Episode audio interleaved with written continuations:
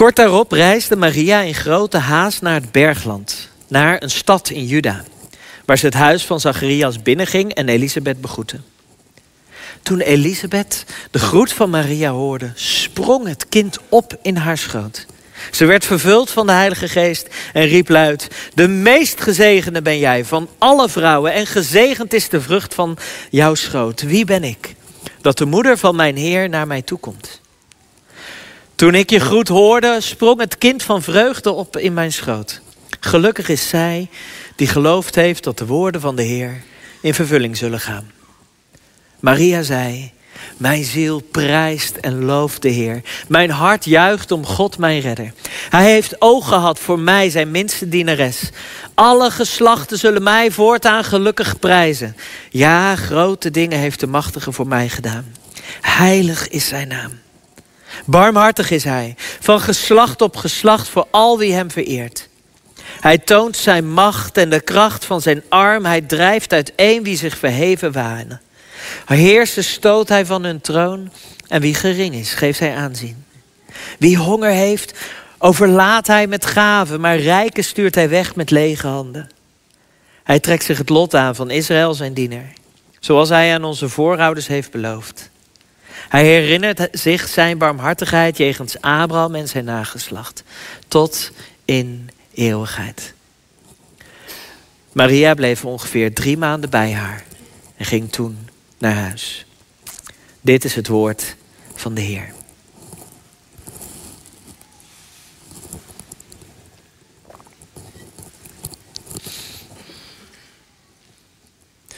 Voor die kleine Giosé die uit zijn schuilplaats tevoorschijn komt, is dit uh, de redding die op hem afkomt. Is het uh, de vervulling van de woorden van zijn vader. En die vervulling van de woorden van zijn vader, dat horen wij op een andere manier weer terug, ook in dit verhaal. Elisabeth heeft een enorme vreugde. Gelukkig ben ik, omdat ik geloofd heb dat de woorden van de Heer in vervulling zullen gaan. De kleine jongen is tot het einde toe blijven geloven dat in het spel dat zijn vader bedacht had. Zijn geluk is afhankelijk van hoezeer hij gelooft in die woorden van zijn vader. De belofte van duizend punten sleept hem door alle verschikkingen van het kamp heen. En dan gaan die woorden in vervulling. En de tank draait de hoek om. Ja, wij ontmoeten Maria en Elisabeth. En Maria heeft zojuist van een engel te horen gekregen dat er bij haar van binnen iets bijzonders aan het gebeuren is. Stel je voor, zij krijgt een, een groots en prachtig, een kosmisch geheim, krijgt zij van God. Een verwachting die aan de oppervlakte zo anders oogt dan dat zij daadwerkelijk is. Want voor de buitenwereld is zij vooral een, een, een meisje. Wat in verwachting is terwijl ze nog niet getrouwd is. Ongetrouwd zwanger. Domme beslissingen gemaakt, dit meisje. Ja, ja, een engel. Maakt dat de kat wijs, Maria. Ik denk dat het, met uitzondering van Jozef, die zijn eigen engel van de Heer mocht ontvangen, dat het ondoenlijk was voor Maria om anderen te laten delen. In die stille vreugde die in haar leven was binnengekomen. En ik denk dat het ook niet voor niets is dat zij opgaat naar Jeruzalem. Dat staat niet zo helder in de tekst. Maar dit is een beweging door het bergland van Juda naar Elisabeth, wiens man actief was in de tempel. Dus ze maakt eigenlijk een beweging naar Jeruzalem toe. Naar die stad in Juda. En dan volgt de ontmoeting tussen deze twee oermoeders. In verwachting, zoals zoveel godsvrouwen voor hen. Zoals een Sarah, een Rebecca, een Lea, een Rachel, een Rut, een Tamar, een Hanna, noem ze maar op. En er zit een mooie parallel tussen dit verhaal en het verhaal van Rebecca. Uh, want in, in het Oude Testament, in de Griekse vertaling, de vroege vertaling van het Oude Testament, de Septuaginta, daar staat hetzelfde woord gebruikt voor opspringen uh, in de schoot staat hier gebruikt in, uh, moet ik even goed kijken, Genesis 15, vers 22, staat hetzelfde woord, maar wordt nu gebruikt voor de strijd tussen, tussen Jacob en Esau in de buik. Ehm, ook in, ook in Rebecca's buik was het dus een feestje, maar niet het leukste feestje. Ze vochten elkaar als het ware de baarmoeder uit. Daar was het een opspringen van woede. Hier is het een opspringen van vreugde. Jacob, Esau, die zo verschillend waren, twee zonen. Ehm, zoals ook Jezus en Johannes, ondanks hun gelijkenissen, ook verschilden als dag en nacht. Jacob en Esau zorgden voor een leven lang strijd. Johannes en Jezus, als een soort antifiguren van hen, zijn gekomen voor de vrede. Jacob en Esau, niet Esau en Jacob. Want de jongste tel zou uiteindelijk het kind zijn van de belofte. Net zoals Johannes slechts wegbereider was voor dat tweede kind Jezus. Die ongeboren Johannes, die springt schaamteloos op in Elisa's, uh, Elisabeths buik. Eh, dit is iets, hè, dat, uh, sommige dingen mag je als man best jammer vinden. Ik denk dat het heel jammer is dat je als man die ervaring nooit zult hebben. Dat je kind opspringt in je buik. Um, wat moet dat prachtig zijn. Die vreugde als, als het mensen gegeven wordt is voorbehouden aan vrouwen. Maar hier is dat opspringen ook meer dan dat. Want het is Johannes die op dat moment door dat opspringen laat zien dat hij zelf ook als het ware in verwachting is. In verwachting van de Messias die na hem zou komen. Nog een parallel. Nog een echo die Lucas heel bewust in dit verhaal lijkt te, te leggen. Um, dat woord voor opspringen uh, doet ook denken aan het dansen van David. Kennen jullie dat verhaal? Dat David voor de ark uitdanst. En er is nog een. Uh, er wordt daar ook het woord drie maanden wordt daar genoemd. En het lijkt alsof Lucas die drie maanden van de zwangerschap gebruikt om naar die drie maanden te verwijzen dat de ark nog ergens anders is. En uh, die ark die gaat op. Gods aanwezigheid, Gods, Gods, Gods uh, zichtbaarheid. Hij komt naar de tempel toe. Komt naar de Davidsburg toe. Komt naar Jeruzalem toe. En hier gaan we weer op naar Jeruzalem. En wordt er opgesprongen van vreugde bij het naderen van Gods aanwezigheid. Het is als het ware de intocht in Jeruzalem. En de belofte die, die David zag en die aan het einde van de tijden geschetst wordt, dat God weer bij zijn mensen zal wonen, wordt hier al een beetje waar. De Messias gaat op naar Jeruzalem in de buik van zijn moeder. En Johannes springt op van vreugde. En zijn moeder schreeuwt het uit, zingt het uit. Wie ben ik? Dat de moeder van de Heer naar mij toe komt.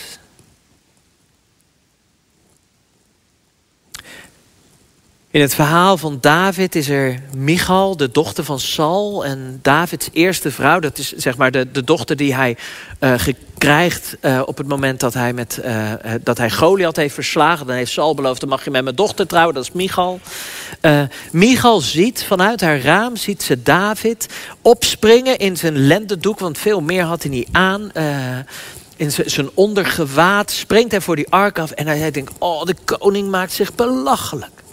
En ze spreekt David er dan ook op aan op dat moment en zegt: David, dat kun je zo niet maken. Ik, ik schaam me dood voor jouw komst zo naar Jeruzalem. En David die zegt dan tegen haar: Joh, al zou God nog veel meer van me vragen, dan nog zou ik het doen. Alles doe ik voor God, zelfs meer dan dit. Michal ziet niet wat hier ten diepste gebeurt. Ze ziet niet wat er onderhuids gebeurt in dit verhaal. Uh, en als je dat weet, als je weet dat dat een echo is van het verhaal en dan die woorden van Elisabeth hoort, gelukkig is de vrouw die het wel ziet. Die ziet dat hier de woorden van de Heer in vervulling gaan. Gelukkig is Maria, de moeder van de Heer. En in het lied van Maria proeven we ook al de boodschap van Jezus. Net zoals we dat zien bij de komst van de wijzen naar de stad die eerst in Jeruzalem bij Herodes gaan kijken of daar een koningszoon geboren is, maar uiteindelijk weggestuurd worden naar, uh, uh, naar een, een, klein woonvertrek ergens in Bethlehem. Zo is het ook hier dat, dat Maria zegt in haar woorden, dat zij het uitzingt en zegt. Uh, Heersers stoot hij van hun troon en wie gering is, geeft hij aanzien. En dat is ook precies wat hier gebeurt. Een klein meisje van het platteland, een oude vrouw, kinderloos gebleven. En beide zijn ze onverwacht in verwachting. Laat de machthebbers maar praten, laat de rijken maar vechten om hun geld te beschermen. Laat heel de wereld maar zoeken naar macht, naar pracht, naar kracht. Heel de wereld probeert sterk te zijn. Probeert God te naderen door krachtig te zijn. Maar waar gebeurt het? Onderhuids. Onderhuids. In, aan de grillen, grillige randen van het bestaan. In de ontmoeting tussen twee vrouwen. In de verwachting van een klein kind dat de woorden van zijn vader gelooft en een tank ziet naderen. In de ontmoeting tussen die twee vrouwen die tweede rangs burgers zijn in een mannenmaatschappij. Maar zij zijn, dat moet je beseffen, zij zijn op dit moment de enige uh, die weten uh, dat God deze wereld in aan het komen is. Zij zijn de enigen die door de geest helder zicht krijgen op de toekomst. Zij zijn het. Deze vrouwen aan de grillige randen van het bestaan, die uiteindelijk te horen krijgen dat zij dragers mogen zijn van de belofte.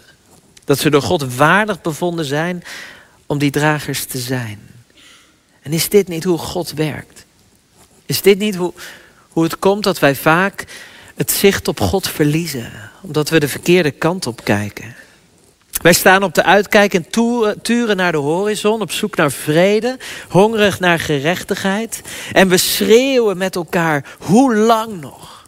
Waarom zijn wij het niet die in verwachting leven? Waarom is het geluk altijd met een ander? Maar onderwijl gebeurt het onder onze neus. Gods wereld wordt, wordt niet zichtbaar bij het grote, bij het magnifieke. Ze zit van binnen. Ze is onderhuids. Ze kruipt de wereld in.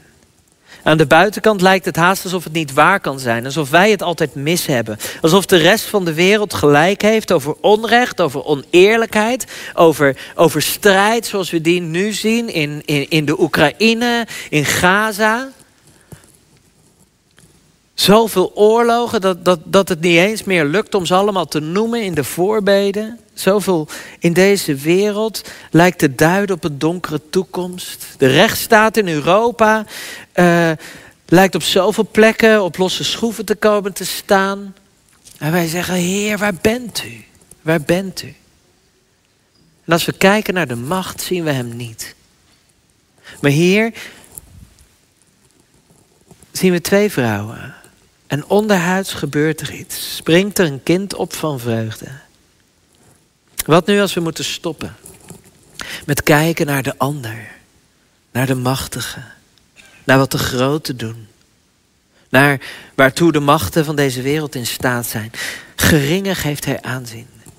Zoals Maria drager is van de belofte, zo mag jij dat ook zijn. Door te kijken naar diezelfde dingen.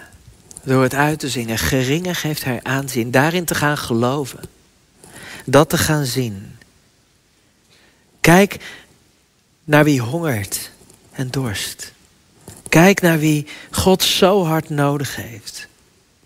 Kijk daarnaar en overlaat ze met goedheid. Als je de belofte van God in deze wereld te weinig gestalte ziet krijgen, wordt dan zelf drager van die belofte op de kleine plek waar je mag staan. Drager van Gods toekomst. Niet op eigen kracht, maar als getuige dat er iets gebeurd is in jou van binnen. Dat er iets van vrede is neergedaald, onderhuids bij jou naar binnen is gekropen. Drager van Gods toekomst. Iets wat bij jou binnen is gekomen, wat om aandacht vraagt, wat opspringt, wat je vreugde geeft, wat de weg laat zien. Zoek hem niet in het grootste, het bombastische, het machtige, want God zit onderhuids. Als we hem dat toestaan. Als we met Maria zeggen, Heer, doet u maar met mij wat u wil. God kruipt in de huid van een mens, wil bij ons wonen, komt ons tegemoet, iedere dag. Laten we met elkaar bidden.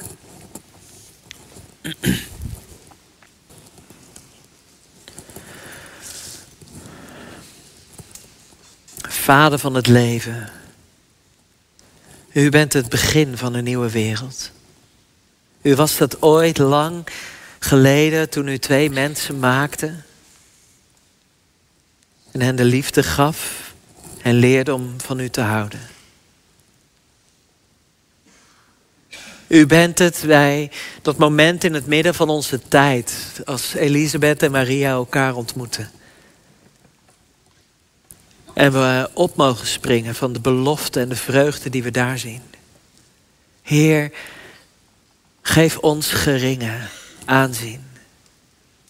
Sla de machtige neer. Kom met uw vrede. Breng herstel.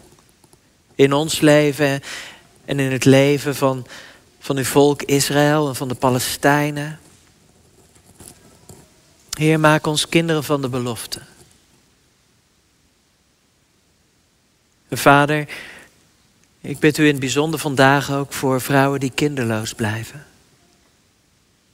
Die er zo naar verlangd hebben, maar afscheid moeten hebben nemen daarvan. God wilt u op een andere manier uw vreugde in hen naar binnen laten komen. Wilt u hen raken, diep van binnen. Wees ook bij de vaders die kinderloos blijven. En God, help ons om te laten zien. Aan ons met kinderen, aan hen zonder kinderen, dat we uiteindelijk uit moeten kijken naar hetzelfde. Uw belofte, uw goedheid, uw kracht, uw toekomst. Maak ons dragers van de belofte. Maak ons wegbereiders voor uw koninkrijk. Maak ons kinderen van de vrede. Maak ons ambassadeurs van de verzoening. Gebruik ons in uw wereld. Amen.